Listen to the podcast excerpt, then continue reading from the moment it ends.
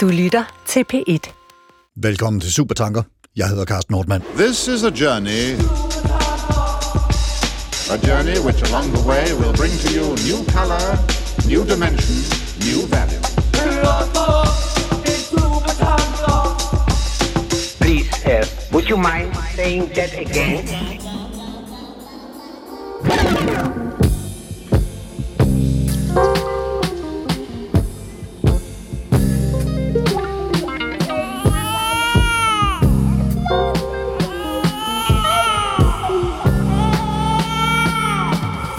Et barn er født en julenat.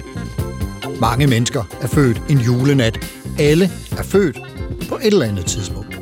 Det er en ting, vi alle sammen har til fælles. Ligesom døden er det. Og ligesom døden er en virkelig, virkelig vigtig begivenhed i vores liv, er fødslen det også. Mindst lige så vigtigt.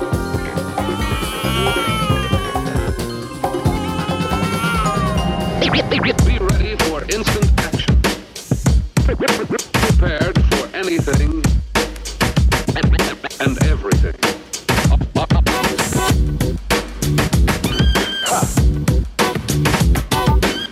Nå ja, og så er der jo også det, at cirka, måske lidt under, halvdelen af alle mennesker på jorden har født. Og for dem er det at føde, måske især og i hvert fald første gang, næsten lige så livsændrende som det at være blevet født. Næsten. Det tilkommer nok ikke rigtig mig at vide noget om det sådan på det niveau. Men det pussy, for ikke at sige det dumme, er, at fødslen og vores allesammens fødthed, vores begyndelse i verden, i livet, fylder og historisk set har fyldt væsentligt mindre i filosofien end døden. Men den ubalance giver supertanker et lille nyk i dag, blandt andet med den tyske filosof Hannah Arendt i hånden. Arendt skrev nemlig i sin bog Menneskets vilkår fra 1958, at mennesket er, til trods for at det skal dø, ikke født til at dø, men derimod født til at begynde. Miraklet er med andre ord fødslen af nye mennesker, den nye begyndelse og den handling, som de i kraft af at være født er i stand til at udrette. Citat slut. Således begynder vi fødslen til vejebringelsen af Supertankers jule- og livsmirakel.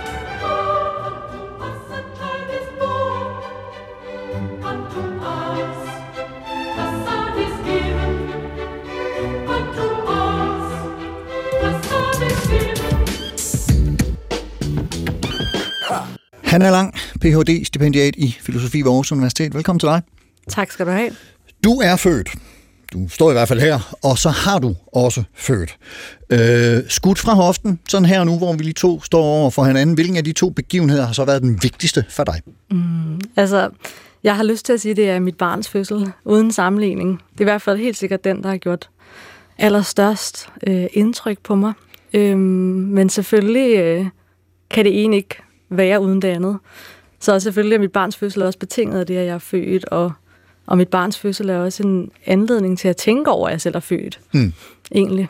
Og, og det var dig, der har der oprindeligt foreslog øh, denne her fødthed, øh, eller som Hannah Arendt kalder det, natalitet, som emne øh, til, til Supertanker. Hvorfor er det her et emne, der øh, optager dig, og hvordan fandt du vej ind i det? Øh, altså det her med fødsel og begyndelse. Ja, min interesse i det her emne øh, med fødsel og begyndelse, det, det, det udspringer simpelthen af min øh, interesse i eksistensfilosofi og i eksistenstænkning, mm. som ja, den her filosofiske sådan, tradition eller retning. Øhm, og der må man simpelthen sige, at eksistensfilosofien har haft ret så meget at sige om døden øh, og om enden på livet, og slet ikke på samme måde om livets begyndelse eller fødslen. Så på den måde så udspringer min interesse i det her emne også i den mangel, der er, eller det hul, hvis man kan kalde det det, der er i eksistensfilosofien blandt andet, for ikke at sige filosofien generelt. Ja. Nu skal, nu skal man jo være forsigtig med at, at kønne forskellige interesser og udgangspunkter Ja. ja. osv. osv. Men, men øh, du er som kvinde, der har født osv. osv. Er der, er der noget i det, tror du, øh, som, som også har trukket dig i retning af det her emne? Ja, altså for helt personligt for mit vedkommende, så er der så er, der, så er det tilfældet. Altså det har, min interesse for emnet har også noget at gøre med, at jeg er kvinde i filosofi. Ja. Og at filosofi er en øh, ret så mandsdomineret disciplin øh, gennem traditionen, og på sin vis også stadigvæk. Altså, den typiske filosof er en, øh, en hvid mand, hvis man skal sige det sådan. Mm. Øhm, og der har jeg også øh, fået en interesse for øh, feministisk filosofi. Altså for, hvad er det for nogle positioner, hvad er det for nogle stemmer, øh, hvad er det for nogle emner, som ligesom er øh, lidt marginaliseret i filosofien. Øhm, og der kan man jo både snakke om, altså hvem er, er filosofer, altså hvem forestiller vi os af filosofer, hvor kvinder jo har sådan i høj grad været ligesom blevet marginaliseret øh, i, i den forstand, men også, man kan også snakke om emner, altså hvilke emner og hvilke erfaringer tænker vi har et erkendelsespotentiale. Og det er også her, at fødslen kommer ind i billedet for mig at se, eller mm. de her øh, erfaringer af at føde. Så, så, så, så det er ikke tilfældigt for dig at se, at det er en kvindelig filosof, der, der bringer det her begreb øh, på banen øh, tilbage i 1958? Mm, det er et godt spørgsmål, når du, når du nævner Arendt, fordi hun har ikke selv født. Nej, altså, så på den måde, pointe, ja. Øh, ja. så på den måde, så kan man måske godt sige, det er Ja, det vil jeg, det vil jeg ikke øh, gøre mig dom over. Ja. Vi, kom, vi kommer senere til, hvem der har taget arven videre fra Arendt. Så er det jo spændende at se, om der er nogen mænd i blandt det, som, som øh, går ind i det her. Bare lige sådan kort om, om øh, Arendt, øh, politisk tænker, født i Tyskland i begyndelsen af det 20. århundrede. Er, er der noget, sådan, øh, du føler er vigtigt, vi lige får med om hende øh, ind i den her samtale? Øh, ja, altså det fik du også øh, nævnt lidt, men jeg synes alligevel, det er ret vigtigt lige at slå fast det her med, at hun introducerer begrebet natalitet. Ja. Øh, det man også kunne kalde fødthed i filosofien. Mm-hmm. Så det, øh, altså det, og det begreb fødthed, jamen det er ligesom, når vi snakker om dødelighed. Øh, så hvordan er det, at døden sætter spor i livet, eller øh, rammer for livet, ja. rammer for livet øh, har, ja, har betydning for det liv, vi lever. Øh, så på samme måde snakker hun ligesom om fødthed. Det synes jeg er vigtigt lige at, at få på plads i hvert fald. Og så, og så er der, så er der sådan ligesom tre grundbegreber. Dem kommer vi til at, at folde mere ud i løbet af samtalen her, men, men hvis vi lige øh, introducerer dem her til at begynde med, så, så opererer hun med tre begreber, som hedder noget i retning af fremstilling, arbejde og handling. Øh, og, og, og, og bare sådan lige at for at etablere de tre mm. søjler, om man så må sige. Hvad, hvad, hvad vil du så sige ja. om, om dem? Ja, altså det er menneskets vilkår, hun har de her tre begreber, altså arbejde, fremstilling og handling, ja. øhm, som ligesom er tre begreber under det, hun kalder vita activa. Øh, så det er sådan tre forskellige aktiviteter, øh, eller sådan sider af menneskets aktive liv. Øhm, og der er arbejde sådan det her lidt mere cykliske, sådan selvopretholdelse, overlevelse, fremstilling af det her med sådan at skabe ting i verden. Øhm, sådan noget mere lineært, kan man sige. At vi simpelthen fremstiller noget, øh, ja. som vi bruger. Og så er der actionbegrebet, eller det, der på dansk bliver kaldt handling, ja. øhm, som er en mellemmenneskelig aktivitet. Og det er altså det her begreb, der er allermest interessant, øh, når vi snakker om natalitet hos Arendt. Fordi det er i høj grad i forhold til handling, at hun også snakker om, om fødthed og natalitet simpelthen. Det er at være menneske. Øh, ja, altså den her mellemmenneskelige aktivitet, som ja. i, i form af handling, ikke? Altså hvor det er, øh, for eksempel vi snakker hun om, at det er at begynde nyt, øh, og også at udfolde os øh, i fællesskab. Mm. Ja. Christina Prins, lektor og uddannelsesleder på kandidatuddannelsen i jordmodvidenskab ved det Syddanske Universitet og lektor på Sygehus Sønderjylland. Velkommen til dig. Din vej ind i det her emne om fødsel og fødthed øh, og begyndelse, hvordan, hvordan ser den ud? Hvordan er du kommet ind i det? Øhm, jeg er jo jordmor, så man kan sige, at øhm, jeg har haft mange møder med, med, med kvinder, øhm, og mennesker, øh, som skal, øh, som har ventet et barn, eller født et barn, eller lige fået et barn. Så, så, øh, så hele mødet med øh, moderskab og faderskab, forældreskab, øh, har selvfølgelig skabt den interesse for mig. Men måske var det øh, især, da jeg selv øh, startede for mange år siden på en efterfølgende kandidatuddannelse, og, øh, og sne mig ind til de ældre studerendes øh, lektioner en dag, hvor jeg kunne se, at de skulle have noget om død. Øh, øh, fordi de lektioner handlede om, hvordan svær sygdom og død kan forandre vores måde at forstå livet og det at være menneske på. Øh, og det, øh, den tilgang til døden, som jo øh, er øh, gennemgribende i hele det, vi kalder den palliative omsorg i sundhedsvæsenet, øh, kunne jeg pludselig se en masse øh, tråde fra ud til svangeromsorgen, som er den del af sundhedsvæsenets arbejde, der øh, fokuserer på livets begyndelse, og det at blive mor og far. Og, og når du siger palliativ, så er vi ude i det her med, med smertelindring og omsorg for døende, Ja. som, som har forskellige lidelser, det vil altså psykiske eller fysiske, som Ja. man forsøger at dæmpe på bedst mulig vis. Ja, Ja. altså omsorgen for svært syge og døende, kan Ja. ja. man sige. Ja. Ja, og, og det her Hanna Arendt citat med, at vi ikke er født til at dø, men til at, at begynde, hvad, hvad ligger der for dig at se i det, øh, sådan filosofisk set med dine jordmorfaglige øh, udsyn? Ja, øh, jamen flere ting. Altså, øh, først så synes jeg, at det er jo en bekræftende og relevant filosofisk understregning af, hvor væsentlig erfaring af en ny begyndelse er.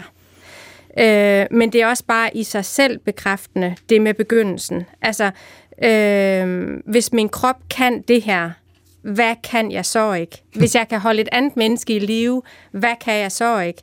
Øh, hvis jeg kan fungere på så lidt søvn, hvad kan jeg så ikke? Altså den der... Den vil øh, mange forældre kunne øh, ja, af begge køn.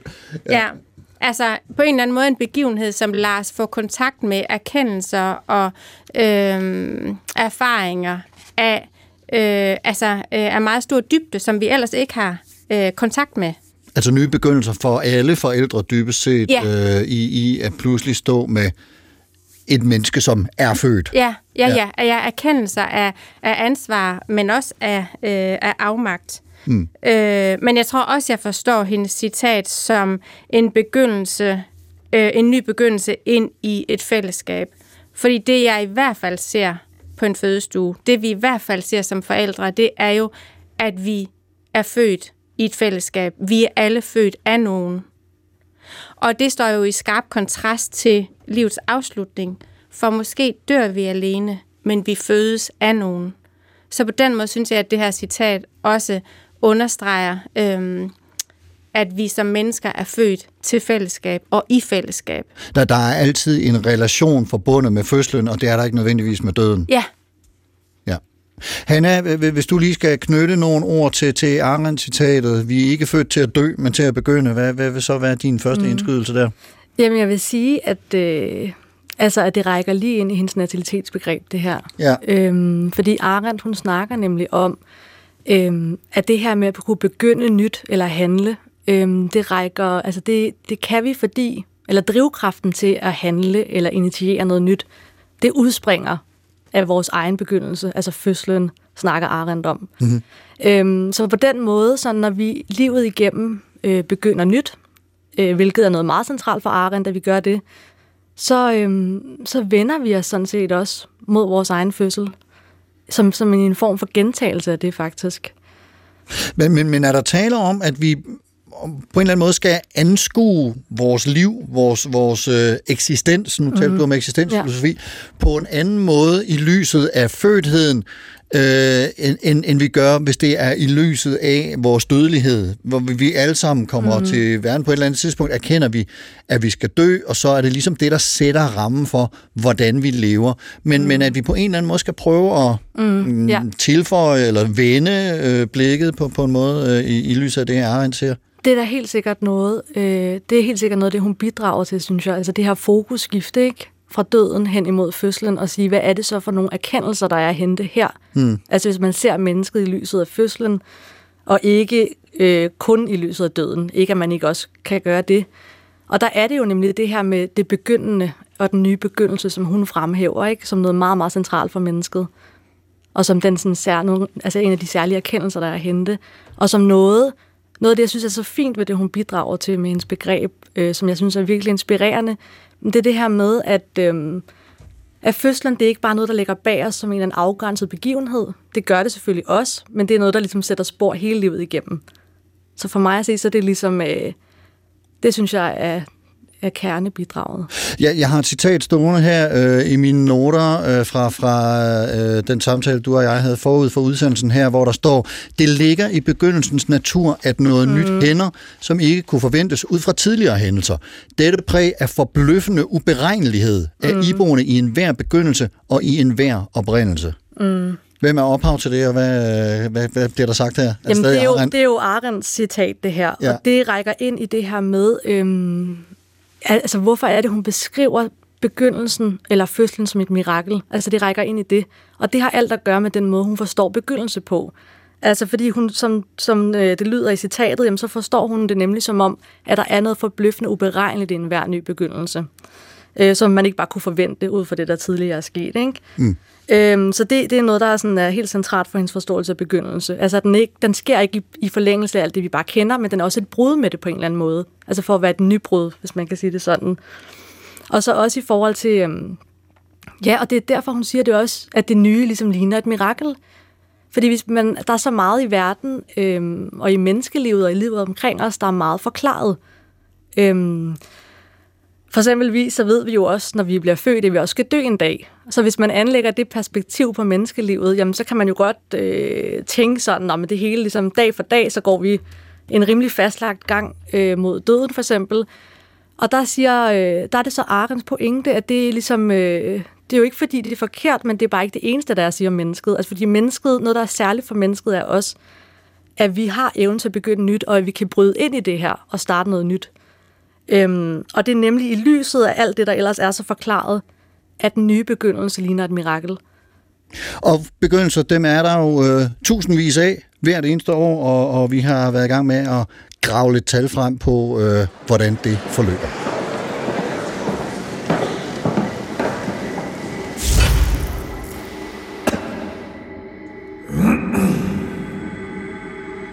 2022 blev der født 58.430 børn i Danmark, ifølge Dansk Statistik, af mødre, der i gennemsnit var 29,9 år.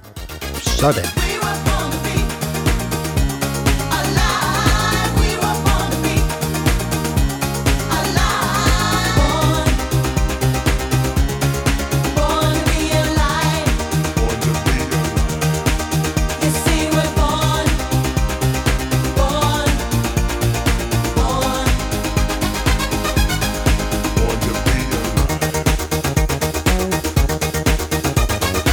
Hver dag kommer der åndende, grædende, skrigende, spjættende børn til verden. Livet føres videre. En såkaldt normal fødsel, hvis nogen, der har prøvet eller overvejet en fødsel, synes, at der er noget som helst normalt i den proces, sker mellem 37. og 42. graviditetsuge. Den landsdækkende undersøgelse af patientoplevelser, kaldet LUP, viser, at 85% af de fødende kvinder i høj eller meget høj grad er tilfredse med deres fødselsforløb. Og det er der vel grund til at glæde sig over, bortset lige fra de resterende 15% naturligvis. I de senere år er der imidlertid kommet stigende kritik af forholdene på landets fødegange. Især i 2021 var emnet til debat efter vedvarende historier om fødende, der følte sig i vejen eller overladt til sig selv, og undersøgelser, der viste, at et stort antal jordmødre jævnligt overvejede at søge andet arbejde på grund af forholdene.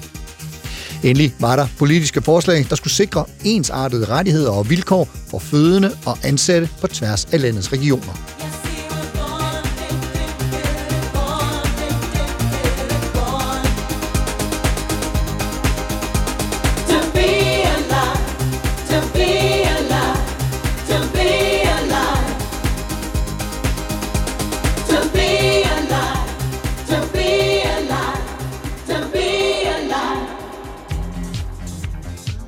Men overordnet går det altså okay godt. Kvinder passerer ind og ud af hospitalerne, føder børn, lærer at arme og bliver sendt hjem. Skemaer bliver vinget af, og statistisk, der kører det. Skulle de gravide eller de nybagte forældre være i tvivl om noget, fysisk eller praktisk, så er hjælpen nær.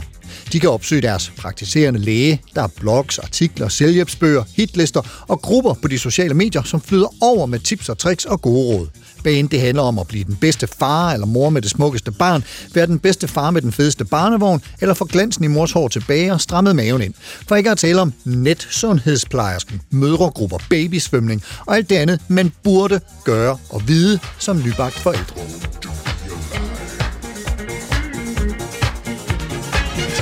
Det står at læse, at man ikke skal regne med at kunne få det basale babyudstyr for under 15.000 kroner. Men så er man altså også klar med alt fra barnevogn over træmmeseng og hele vejen til armeindlæg og saltvandsdråber til den lille næse. Og så er der lige de der 2500 kroner ekstra om måneden, som bankerne vurderer et barn koster. Og, og ja, så var der også noget med forsikringer og børneopsparing.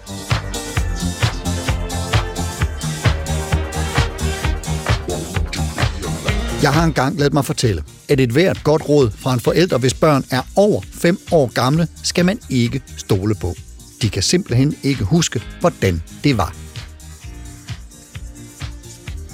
Men de af os, der har børn, kan huske, hvordan vi forberedte os på, hvordan det ville blive.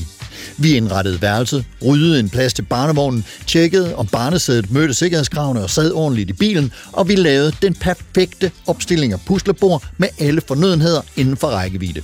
Vi tjekkede, at skruerne på træmmesengen var spændt, og overvejede, hvilke typer legetøj, der ville være velegnet som det første.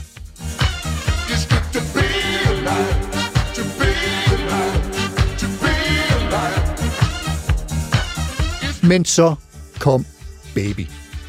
Hyggetankerne om, hvorvidt reservedynen til barnevognen måtte være varm nok, blev afløst af redsel over, om det lille menneske overhovedet trak vejret, eller ville dø af sult, hvis samlingen ikke fungerede i en halv dag.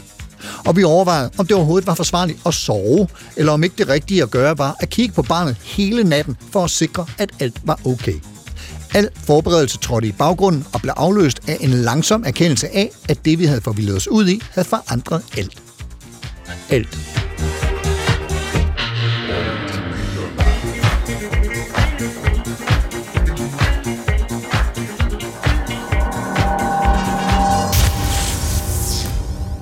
Alt er ændret for de nye forældre, og for det lille barn, det lille nye menneske, er den trygge, varme boble, som var mors mave, i den grad blevet afløst af noget andet. Pludselig er man født, kastet ind i verden, som andre i filosofien har påpeget, og man er i gang med at begynde sin færd mod døden, hvis vi skal være en lille smule fatalistiske her. Hanna, du beskriver fødslen af dit barn som et nulpunkt. Ikke at forveksle med et lavpunkt, men et nulpunkt. Øh, vil du ikke prøve at fortælle, hvad du mener med det? Altså, er vi ude sådan noget Big Bang, og, mm. var, og hvorfor var det ikke bare en fortsættelse eller en videregivelse af livet? Mm. Ja, jeg tror også, jeg beskriver det som år 0. Altså, øh, men øh, ja, men netop det her nulpunkt, og det gør jeg med, øh, jamen det gør jeg egentlig i Arens ånd også, altså som, fordi jeg oplevede det at være gravid, eller og fødslen af mit barn, som den her radikale nye begyndelse. Altså nu snakkede vi lige om øh, det her med begyndelsen som noget, der ikke bare sker i forlængelse af alt det, man kender, men som også er sådan forbløffende og noget mirakuløst. Og det var ret præcist også sådan, jeg selv oplevede det, at få et barn, eller at føde et barn. Øh, altså alle de her forberedelser, man gør sig, og man går i ni måneder, og der bliver købt barnevogn, og den, den får ligesom ikke for lidt med det her. Øh, og derfor synes jeg også, at det er en helt utrolig erfaring, at det alligevel kan komme bag på en. Altså, så der var simpelthen en uforudsigelighed, som overraskede dig? Det, det vil, ja, helt ja. vildt, og der, der synes jeg simpelthen, at, øhm, at det her Arend siger om begyndelse rammer så meget plet. Altså det her med, at, øh, at alt, er så, alt er så forklaret. Altså vi ved jo godt, øh, at det tager ni måneder, og vi kender hele processen, og så alligevel, så, så kommer der et barn til syne, som, ja, som man måske ikke ved, hvem er alligevel. Altså som man ikke vidste, hvem var. Selvom, man er gået, og, selvom jeg er gået og båret på barnet i ni måneder, så var han alligevel noget andet end mig, og han var sin egen. Og, og det er den her ny, radikale nye begyndelse, hvor man mest af alt... Øhm, ja, hvor man bliver forbløffet. Altså sådan havde jeg det, hvor man mest står som sådan en måbende mund og tænker, tænk, at det kan lade sig gøre, ikke? Ja.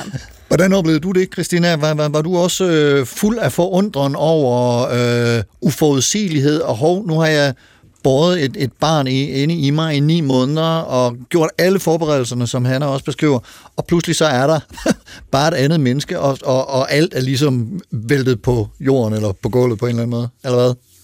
Ja, men jeg tilhører den, dem, du taler om, som for hvem det er mere end fem år siden, så man kan ikke stole på det, jeg siger.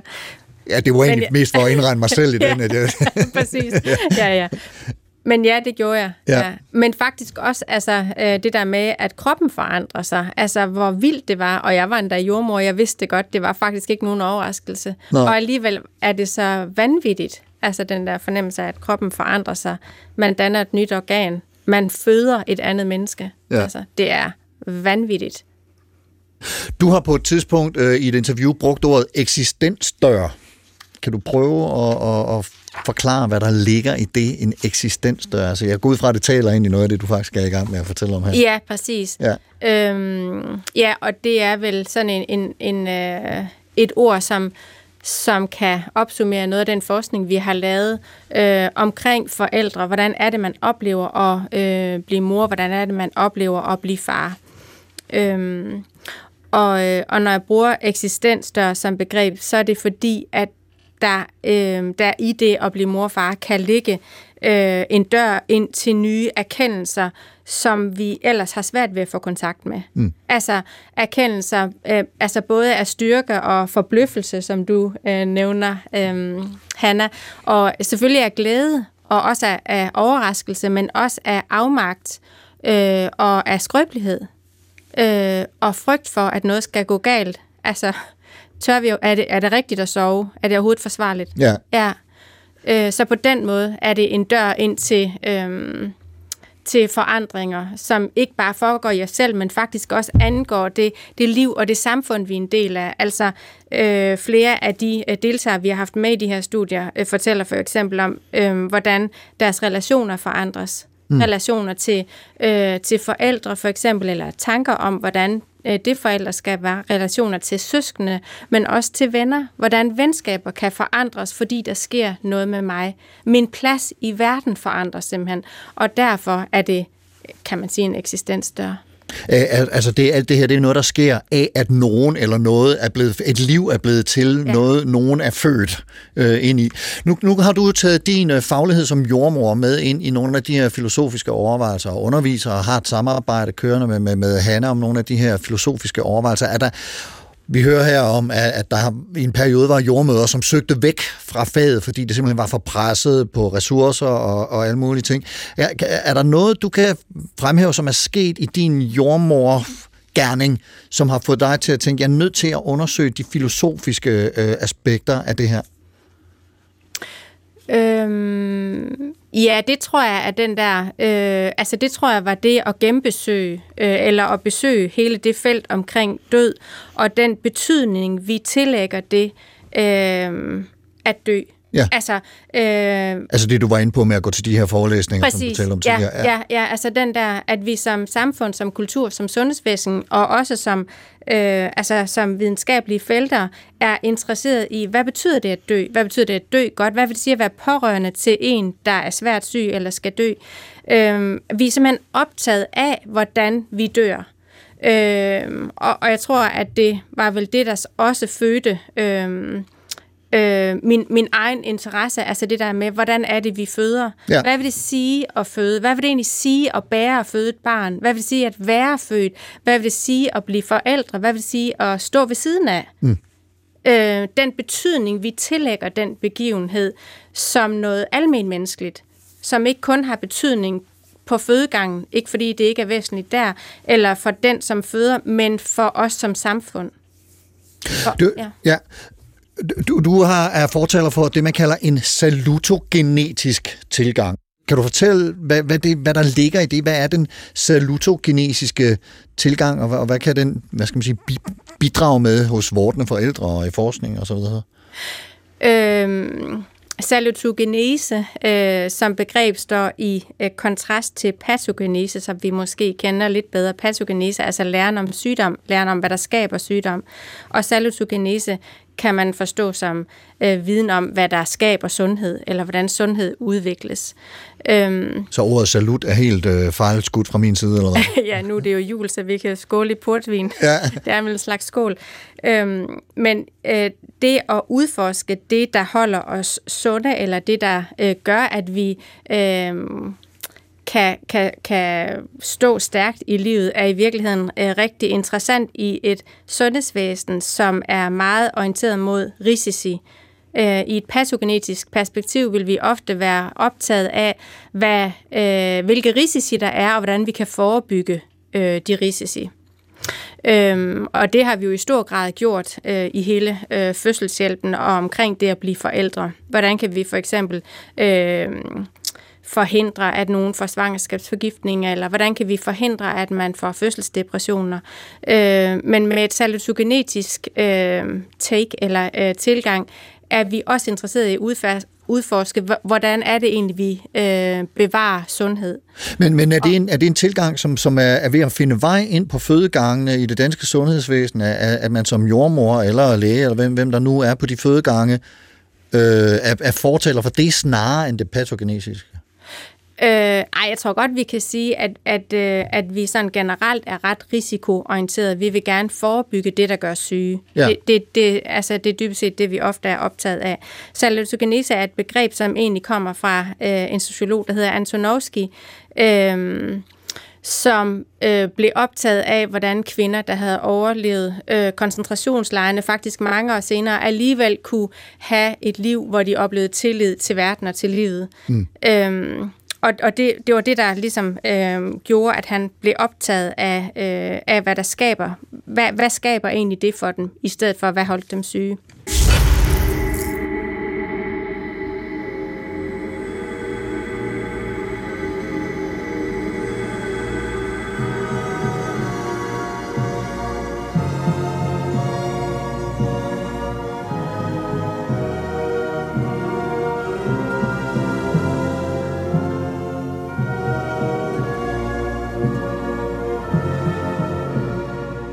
At alle mennesker er født lige og har de samme grundlæggende rettigheder, er efterhånden blevet en så accepteret del af et hvert retssamfund, at det kan synes svært ikke at erklære sig enig. Menneskerettighederne og de fleste demokratiske nationer og retssystemer er bygget op omkring ideen om, at mennesket, blot i kraft af at være menneske, har rettigheder, som man ikke skal optjene eller bevise sin ret til. Sådan er det i hvert fald tænkt. At virkeligheden så ikke altid lever op til de idealer, er desværre bare åbenlyst. Som det hedder i George Orwells satiriske fabel Kammerat Napoleon fra 1945, alle dyr er lige, men nogle dyr er mere lige end andre.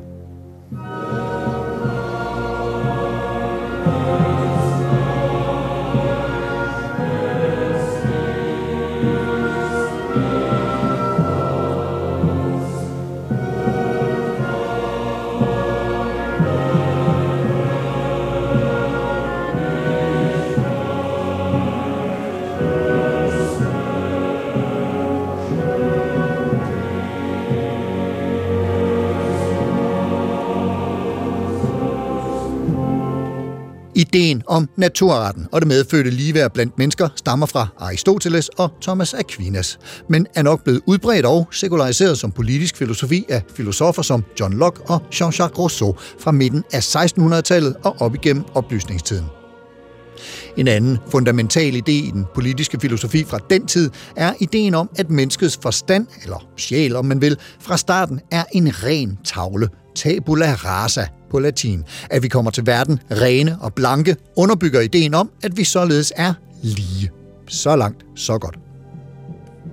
Fælles for de mange udlægninger af en såkaldt naturlov er, at den i høj grad er udtænkt af europæiske, veluddannede mænd fra samfundets øverste lag. De mennesker, der omtales som født frie og lige, er underforstået fuldvoksne, veluddannede, rationelle, autonome og nogenlunde økonomisk uafhængige hvide mænd. Altså en slags symmetrisk relation mellem allerede ligestillede.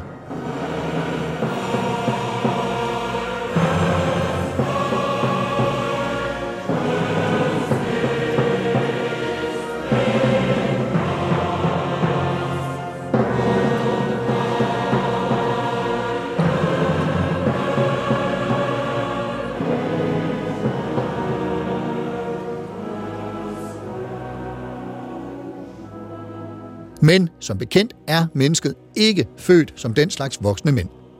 Karl Marx, også en af de mandlige runkedorer i den politiske filosofi, argumenterede for, at der altid, i kraft af blandt andet arbejdsdeling og mere eller mindre åbenlyse magtstrukturer, altid vil være en grundlæggende ulighed mellem mennesker, uagtet formelle rettigheder og forblommede ord om naturlove.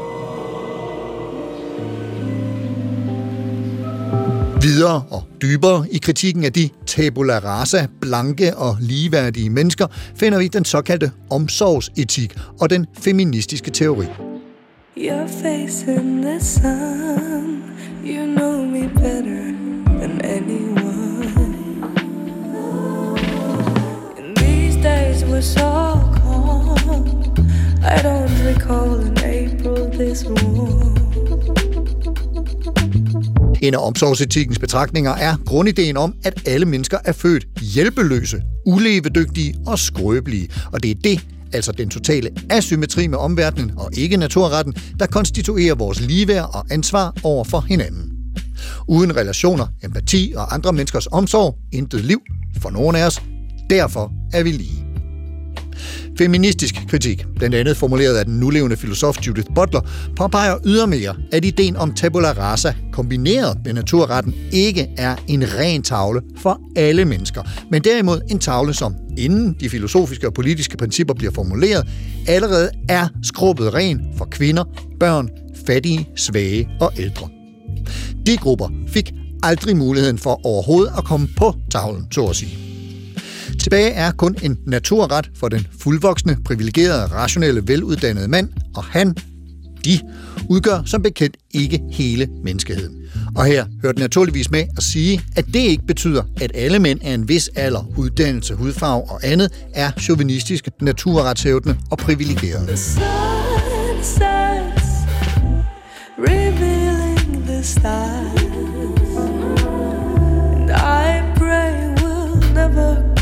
Heart. Cause I love these people, my people. Selvom universelle rettigheder er nødvendige og velegnede i opbygningen af demokrati og retsstat, er det nu engang sådan, at vi alle kommer til verden sårbare, nøgne og uden chancer for at klare os selv. Det er vores fødsel, vores begyndelse. Det er alle menneskers fælles grundvilkår.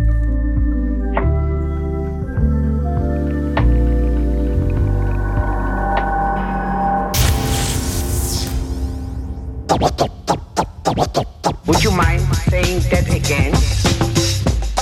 Arbejde, fremstilling, handling er de tre livsfærer, vi bevæger os imellem, ifølge filosofen Hannah Arendt. Tre eksistensmodi, hvor arbejde altså betegner den cykliske nødvendighed, der for alle mennesker ligger i at opretholde livet, og fremstilling betegner, at vi mennesker tænksliggør og omskaber verden med forbrug af naturressourcer og fremstilling af objekter. Og så er handling derimod der, hvor mennesket kan transcendere sig selv og verden, bryde ud og starte noget radikalt nyt, som ikke er betinget af nødvendighed, men af vilje. Handling er altså der, hvor frihed, politik, forandring og radikal begyndelse er mulig. Der, hvor vi kan, fordi vi vil, og ikke blot fordi vi skal.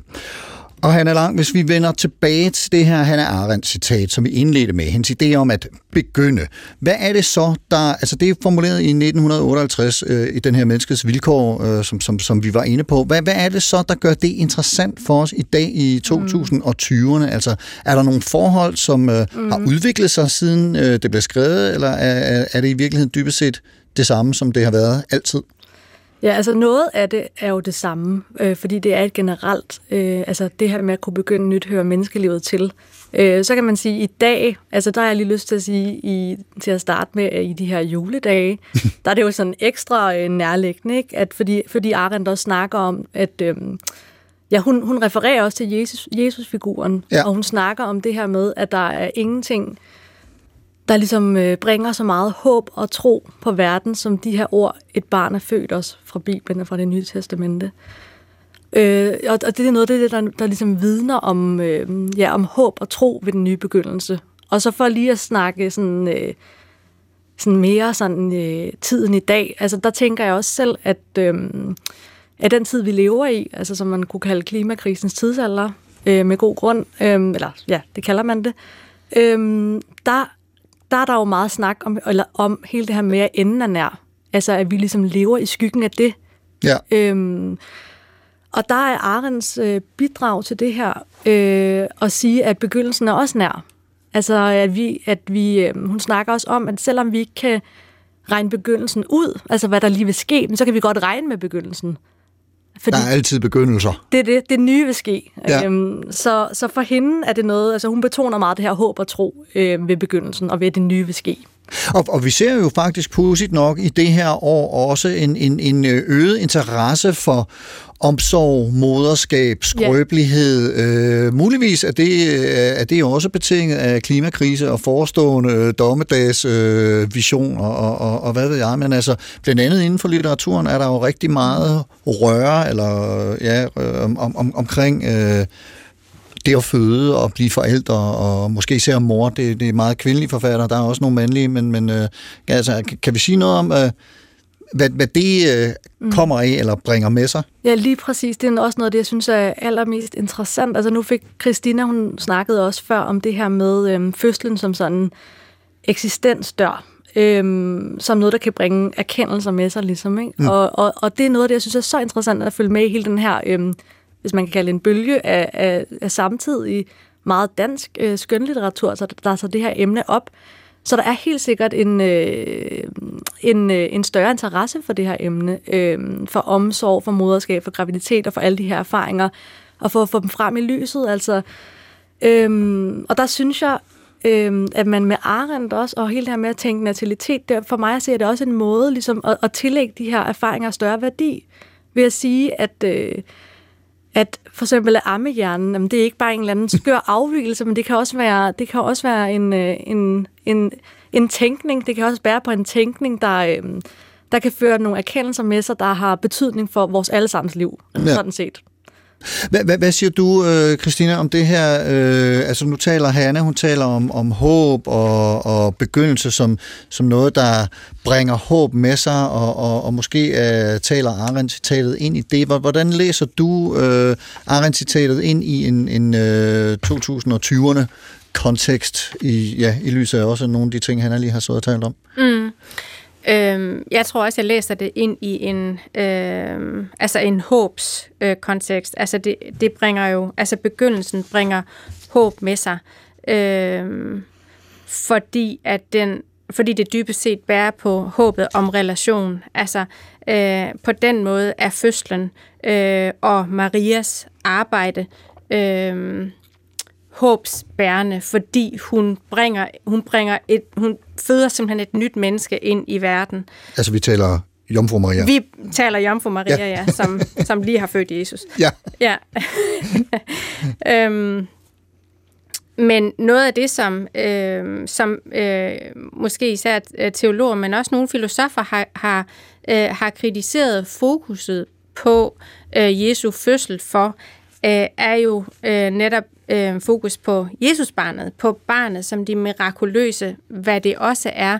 Men derved øh, kan man komme til at, at glemme eller negligere eller ikke tillægge det betydning, at der faktisk er et menneske, som har båret og født det barn. Så, så øh, hvad det i dybeste forstand betyder øh, som menneske at bære og føde et barn, øh, for næsten paradoxalt ikke rigtig øh, nogen betydning. Men, men, men er der kobling i den her, hvad skal man sige, øh, anglen efter, eller søgen efter håb og, og, og fremhævelse af håbets betydning i, i, øh, i vores dage? Er, er der en kobling til salutogenesen i det, altså den her fremdrift snarere end bremsen op, og nu skal vi passe på? Ja, Ja, det vil jeg sige, for ja. man kan sige, at i en salutogenetisk forståelse ligger også afvisningen af det meget sådan digotome syn på sygdom og sundhed. Ja. Enten er jeg syg, eller også er jeg rask. Men i virkeligheden, så er livet jo begge dele.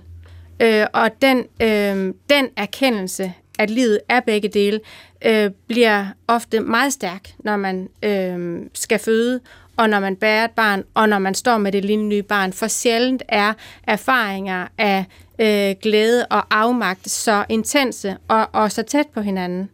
Så det paradoxale ligger rigtig øh, forbundet med, ligger tæt i det salutogenetiske øh, perspektiv, øh, og i den forstand, øh, så er forældreskabet, eller øh, ja, forældreskabet, øh, den, det ultimative bevis. Den nye begyndelse er, et, øh, er så godt en... Øh, mm men øh, så, så, så med behørig respekt for det patogenetiske, så er det måske meget godt at få, få den her salutogenetiske tilgang ind på fødegangene og sige, ja, vi skal være forsigtige, så vi ikke bliver syge øh, i utid, men prøv at høre venner, det er det her, der i virkeligheden øh, er det fede. Ja, vi har også brug for håbet, Ja. og vi har brug for øhm, øh, at, at tillægge øh, hvad skal man sige, de erfaringer og betydning, som man faktisk får, når man bliver forældre. Nemlig erfaringerne af øh, intense øh, følelser, øh, som man måske ikke har oplevet før, øh, at alle arenaer stort set i livet forandrer sig, og de erkendelser lever vi jo videre på. Ja. De, de gør os simpelthen stærkere i forhold til de dilemmaer, vi kommer til, til de dilemmaer, vi kommer til at opleve senere i livet. Fremragende.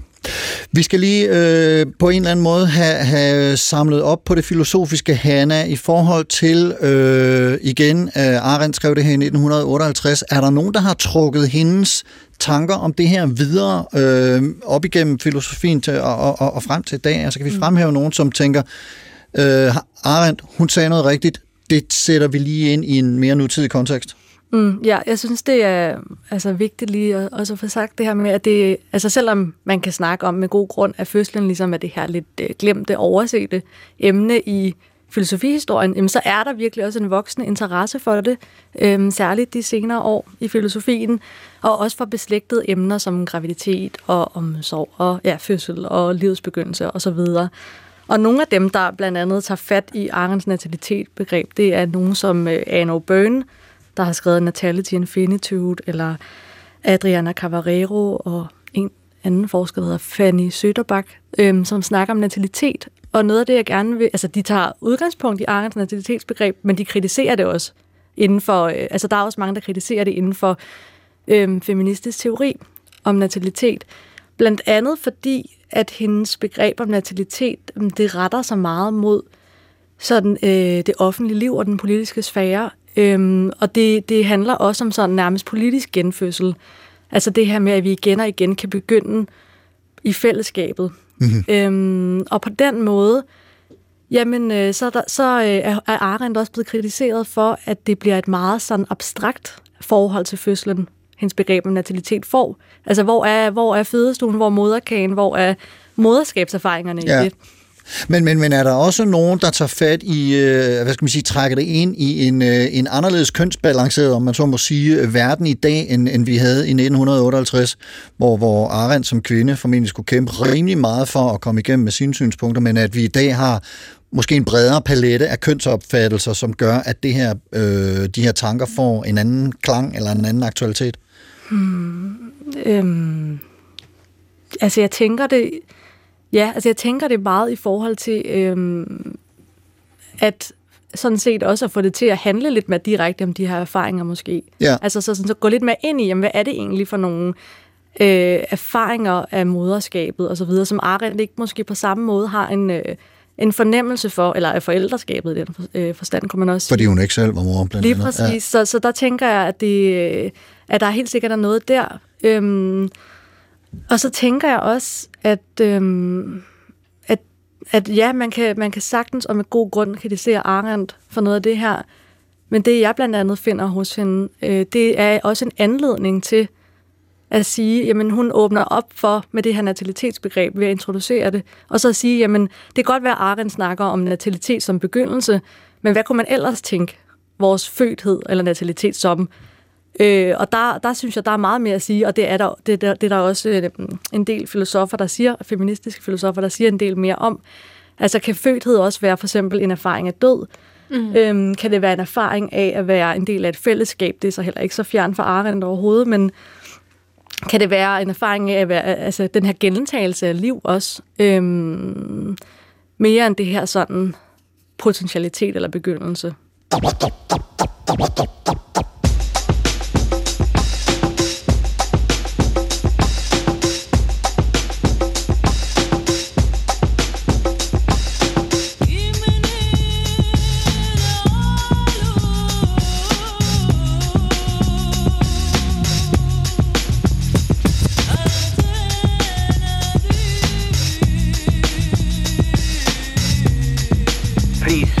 Would you mind saying that again? Thinking of a master plan. Supertanker, Christina, Hanna og Karsten, og en Hanna mere, en historisk, filosofihistorisk Hanna, nemlig Hanna Arendt, som i 1958 i sin bog Menneskets Vilkår skrev, at mennesket er til trods for, at det skal dø, ikke født til at dø, men derimod født til at begynde. Og det har vi haft en længere øh, samtale om her øh, i de forgangne øh, minutter, den lille time.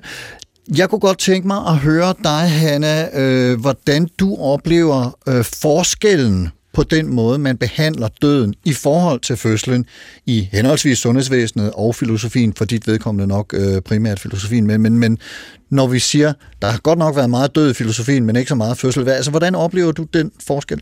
Ja, altså der, øh, der er jeg jo meget inden for eksistensfilosofien. Ja. Øhm, og der må jeg sige, at den, øh, det fik jeg også nævnt tidligere, det her med, at døden, den, øh, det er det her meget vigtige, vigtige, altså sådan tunge emne, øh, som er blevet taget op igen og igen, blandt andet hos øh, en som Heidegger, øh, der snakker om det her med væren hen imod døden, øh, og også Kirkegård. Øhm, og så det er så eksempler altså på to meget centrale tænkere i den her tradition, der ligesom... Øhm, jamen det de gør, det er, at de, de gør jo... Øh, altså de gør døden til en erkendelseshorisont jo. Øhm, Og Uden blik for fødslen eller fødslen? Øh, rimelig meget, ja. Ja. Kan man sagtens sige i hvert fald. Altså, det, ja. Øhm, I det store det hele i hvert fald, ikke? Ja, ja. Øhm, så kan man så snakke om, hvor meget de så har blik for begyndelse. Øhm, men det er en anden sag. Ja, så på den måde, så er der helt sikkert et misforhold mellem øh, det her med... Øhm, jamen, det er egentlig ikke, fordi jeg synes, at... Øhm, at, døden, at det så skal erstattes af fødslen. Ikke? Nu skal vi ikke snakke om død, nu skal vi så snakke om fødsel, men det er mere for at sige, at den, al den her snak, der har været i filosofien om døden, jamen det giver en anledning til også at sige, hvad så med den anden ende af Ja. livet, ikke? øhm, ja, Hvad, hvad, hvad siger du, Christina, i, øh, øh, øh, i, i din øh, branche, om man så må sige? Altså, hvad, hvad, hvordan har du oplevet forskellen på måden, vi betragter fødsel og død øh, i, øh, ja, i, i, i din faglighed? Mm. Øhm, jamen jeg tror, altså som jeg sagde før, så er, har vi jo været optaget, at du kan finde øh, bøger og artikler, der handler om øh, det, at, øh, det at betydningen af at dø godt. Øhm, og man kan sige, at hele hospicebevægelsen på en eller anden måde jo er en, en kritik af øh, sundhedsvæsenets øh, forvaltning af øh, det at dø og være døende. Øh, så der har været en bevægelse, der ligesom har trukket den arena ud af sundhedsvæsenet, for at der kunne være et sted, hvor man kunne dø godt, fordi det at dø godt faktisk har betydning. Vi tillægger det værdi. Altså en at dø-sektor, så at sige. Ja, det kan vi godt sige, ja. Ja, ja. og hvis vi skal lave analogien til fødselssektoren, Ja. øhm, så, så, er det ikke helt, øhm, så er det ikke helt på samme måde. Der er ikke så mange bøger, der handler om øhm, øh, betydningen af undren ved livets begyndelse, eller betydningen af at føde godt, eller øh, det og betydningen af at være pårørende til en, der føder, eller øh, på den måde, så er forståelsen af, hvordan øh, livet kan forandres, og opfattelsen af, hvordan vores plads i verden kan forandres øh, ved livets begyndelse, den er simpelthen ikke så, øh, så udforsket og så tydelig.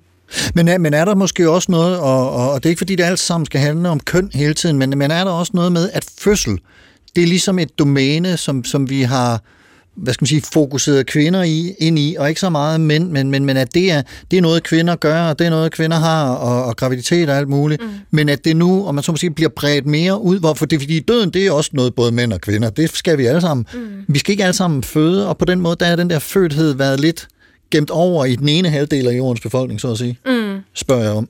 Ja, jamen, det tror jeg, du har meget ret i. Ja. Altså, at på den måde, så er døden øh, altså, øh, forstået som noget almen menneskeligt, for det skal vi jo alle, og, og Heidegger, vi, vi går mod døden, og, og det er vores erkendelseshorisont.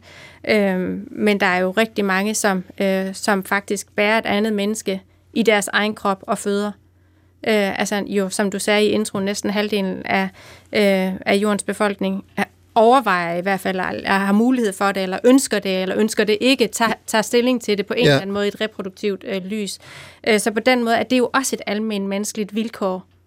Og for os alle er det et vilkår, at vi er født. Det må man sige. Det er der, ja. ikke, der er ingen vej udenom. Nej. Vi er simpelthen alle sammen født. Ja. Ja. Men man kan sige, at fødsel og død jo også hænger sammen. Øhm, I nogle af vores studier har vi for eksempel, øhm, øh, Øh, er der flere deltagere, der ligesom fortæller om det der med, øh, et citat er, det er jo vanvittigt, at man kan opleve den her smerte uden at dø af det. Altså, at på den måde så øh, væver øh, erkendelsen af dødelighed og skrøbelighed og fejlbarlighed sig jo også ind i erkendelsen af begyndelsen. Øh, og på samme måde, hvis jeg må trække en analogi til, til, øh, til den anden ende af livet igen, altså til livets afslutning, kan erkendelse af livets skønhed eller livets styrke også nogle gange blive øh, stærke øh, i den del af livet. Og det øh, blev det sidste ord for den her samtale om fødthed og natalitet. Vi når ikke videre på øh, det her supertanker togt i denne omgang, togt om fødsel og begyndelse om at blive til i verden og livet og gå ind i fællesskabet. Han er Lang, phd stipendiat i filosofi ved Aarhus Universitet. Tusind tak, fordi du kom og delte dine øh, supertanker om det her. Selv tak. Og Christina Prins, lektor og uddannelsesleder på kandidatuddannelsen i jordmorvidenskab ved Syddansk Universitet og lektor på Sygehus Sønderjylland. Tusind tak, fordi du også bidrog med dine øh, erfaringer og supertanker til de her overvejelser. Tusind tak skal du have.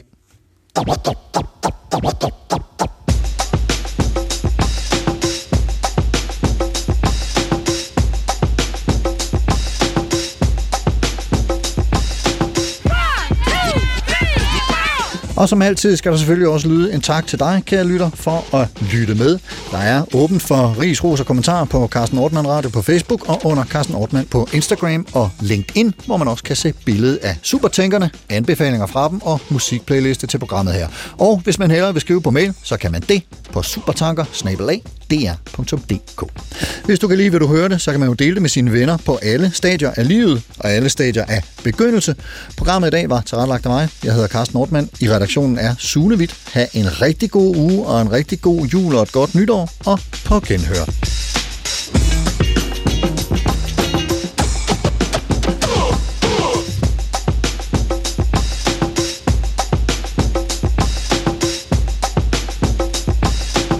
Thinking of a master plan.